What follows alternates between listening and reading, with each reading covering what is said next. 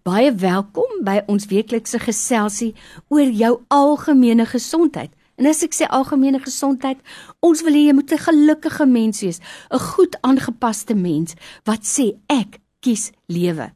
Ek gesels nie alleen daaroor nie, ek het 'n gas in die ateljee, Dr. François Swart, pastorale en kliniese terapeut, en ons pak al hierdie ou lewensprobleme sommer kaalvuis aan. Dr. François, vir jou tyd weer dankie. Dankie Lorraine. Hallo al die luisteraars. Kom ons kies lewe vandag. Ek wil vandag 'n baie moeilike ding aanraak. Um 'n mens praat nie sommer graag daaroor nie om die waarheid te sê. Ek dink mense is nogal geneig om dit sommer onder die mat in te vee omdat hulle dit nie kan glo nie een en tweedens omdat hulle dalk dink dit kan die liggaam van Christus seermaak as ons daaroor praat. En dit is 'n geestelike leier of 'n persoon in 'n posisie van mag in die liggaam van Christus in die kerk spesifiek wat 'n lidmaat seer gemaak het, ingeloop het met besigheid dalk misbruik het 'n vertrouensposisie misbruik het. En mense lyk vir my sukkel baie om daaroor te kom want as dit 'n wêreldling is dan sê jy vir jouself wat het ek nou eintlik verwag maar as dit 'n geestelike leier is daai wond sny baie diep dis 'n moeilike onderwerp maar kom ons praat daaroor ja dit is sensitief maar daar's definitief 'n uh, baie belangrike aanspreeklikheid wat ook geestelike leiers aan onderwerp moet word en ons is baie keer bang, baie geskok, teleurgestel oor 'n geestelike leier wat jou dalk verkeerd hanteer het. Wat is die beste manier om dit te hanteer? En dit hang baie keer van ons persoonlikhede af. Jy het dalk 'n persoonlikheid dat jy bereid is om na die geestelike leier te gaan om eenkant te kry en te sê, weet jy, ek het nie gehou toe jy of sy of wie ook al dit so gesê of gedoen dit nie. Met ander woorde probeer om eenkant kry vir haar as geestelike leier te sê ek het nie daarvan gehou nie. Party van ons het nie die moed om dit so te doen nie. Dan skryf jy 'n briefie ook persoonlik vir jou geestelike leier en sê weet jy dit het nou gebeur. Ek is ongelukkig daaroor. Kan jy vir my net antwoord daarop en dit kan op skrif probeer uitgeklaar word. Ehm um, 'n ander manier is as daar niks vrugte daarvan kom nadat jy hierdie weg gevolg het nie is dat jy vir die geestelike leier sê maar ek is nog steeds ongemaklik en ek voel nou om tog 'n derde party mm. te betrek want dit is wat die Bybel eintlik van ons mm. leer wanneer jy 'n verskil met iemand het wanneer jy ongelukkig is met iemand werk eers op 'n 1 tot 1 mm. basis mm. met die persoon Uh dan kry jy iemand wat jy vertroue in het, wat neutraal sal staan, wat sal bysit terwyl jy die persoon weer konfronteer daarmee. En dan veral binne geestelike opset is baie geestelike leiers werk onder die supervisie van 'n kerkraad of van 'n leierspan.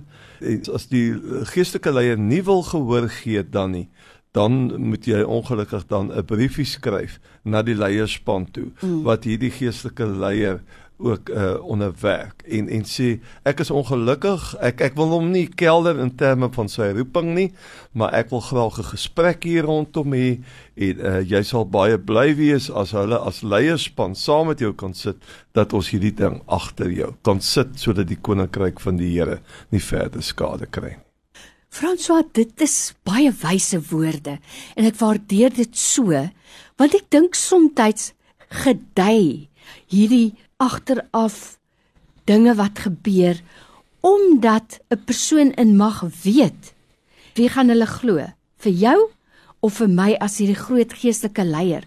So hulle gedei in daai anonimiteit. Hulle skuil daar agter want hulle weet dit sal nie verder gaan nie. Maar hier's nou vir my 'n belangrike ding en ek is so bly jy noem dit.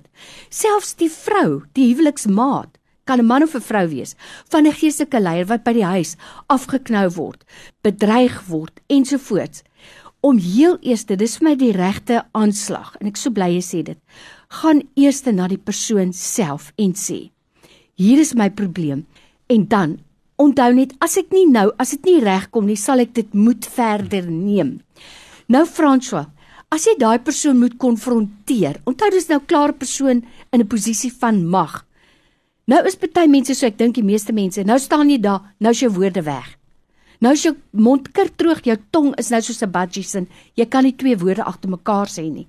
So, hoe voorbereid moet ek na so 'n gesprek toe gaan? Ek dink jy moet baie voorbereid gaan en dit is baie belangrik omdat jy weet hierdie ding kan nou reperkusies hê uh, om vooraf eers dit wat jy vir die persoon wil sê te gaan neerskryf. Mm. Wat dan gebeur Lorraine is jy kry jou eentjies mooi in 'n ry in jou mm. eie kop en jy maak eintlik 'n spoortjie, 'n paadjie in jou brein. Dit is hoe ek hierdie ding gaan aanpak. Dis wat ek min of meer gaan sê.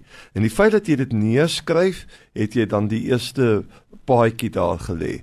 Dan gaan jy na hom. Toe sit jou eh, briefie uh, in jou binnesak en jy probeer dit wat jy neergeskryf het vir die persoon te sê. Begin altyd om eers iets positiefs te sê. Ek het waardering vir jou, maar hier's iets wat vir my pla.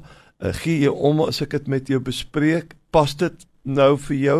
Kry eers toestemming by die persoon. Moenie sommer net op die persoon mm. afstorm nie en wees respekvol.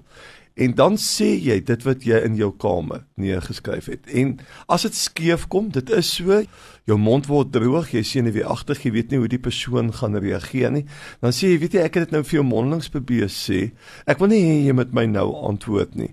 Maar wat ek vir jou wou sê, het ek ook hier neergeskryf. En dan haal jy dit uit die briefie wat jy geskryf het en sê dis wat ek min of meer vir jou geskryf het. En ek sal so bly wees as jy bietjie daaroor kan gaan dink dalk kan jy vir my terug antwoord deur te skryf of ons kan jy kan met my praat. Maar sodra jy begin agterkom ek vorder nie in hierdie gesprek nie. Mm. Is dit baie belangrik dat jy 'n papierspoor sal los. En dit is waar goed soos WhatsApp en e-pos se die gesels moet 'n mens dan dokumenteer.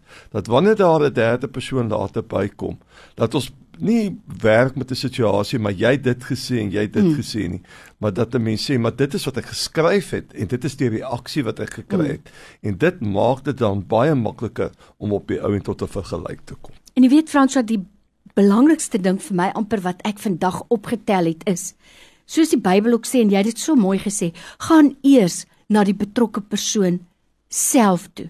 Jy weet dit is so maklik om 'n persoon agter sy rug te beswadder en vure oral aan die brand te steek. Om dit dan later dood te gooi is baie baie moeilik en elke ander persoon las sy eie stertjie by. So gaan eers persoonlik en probeer die saak oplos. Wanneer 'n mens na 'n derde party toe gaan, het jy dan soos jy gesê het, het jy skriftelik 'n papier spoor wat jy kan navolg. Hoe werk dit dan as 'n mens na 'n derde party toe gaan? Gaan 'n mens skuldig voel met skuldgevoelens sit. Is dit die moeite werd dink ek sal party mense vra? Ja, ek dink ons moet dit vir mekaar sê. Ek dink ons moet nie probeer oor vroom wees nie. Wat ek en jy bespreek in hierdie onderwerp is daar kan konflik kom. Daar kan verskil van opinie kom. Mm. Die uitkoms kan nie dalk wees wat jy gehoop het dit moet wees nie. Daar kan gedeeltelike erkenning kom daar kan 'n persoon kan heeltemal dwars raak in die proses of iemand kan self sy werk verloor mm. as gevolg daarvan. En jy sit dan met onnodige skuldgevoelens. Mm. Dis daar is 'n element van trauma by, by betrokke as so saak skeefloop en dan is dit belangrik dat jy by iemand kom dat iemand jou sal desensitiseer saam met jou weer deur die hele proses gaan. Waar dink jy het jy onbillik opgetree? Het jy dalk oorgereageer? En daarvoor kan jy dan om verskoning vra. En dan ons is almal gelowiges. Op 'n stadium moet jy sê dit is my intensie. Ek het dalk hier lomp oorgekom. Uh, maar dit is die punt ons het tot 'n soort van 'n vergelyk gekom oor sekere goed is ek spyt en dan moet 'n mens dit by die kruise voet en hmm. los en dan moet 'n mens sê dis nou klaar kom ons gaan in 'n nuwe hoofstuk in en kom ons werk van hier af saam om dit vir mekaar nou verder lekker te maak in hierdie verhouding. Sjoe, wyse woorde en ek is so dankbaar. Jy weet Frans, so ek dink jy ons besef altyd nie. Ons luisteraars het die voorreg om raad te kry wat vir hulle in 'n sekulêre wêreld baie geld gaan kos en wat vir hulle baie moeite kan spaar. Ek wil net hê jy moet weet, ons waardeer dit dat jy moeite doen om in te kom na die ateljee toe en dit met ons te bespreek. Daarvoor is ons baie dankbaar. Dankie Lorraine, ek waardeer. Nou onthou as jy 'n vraag het, stuur dit vir my met 'n SMS of met 'n WhatsApp en ons gesels daaroor. Tot volgende keer, totsiens.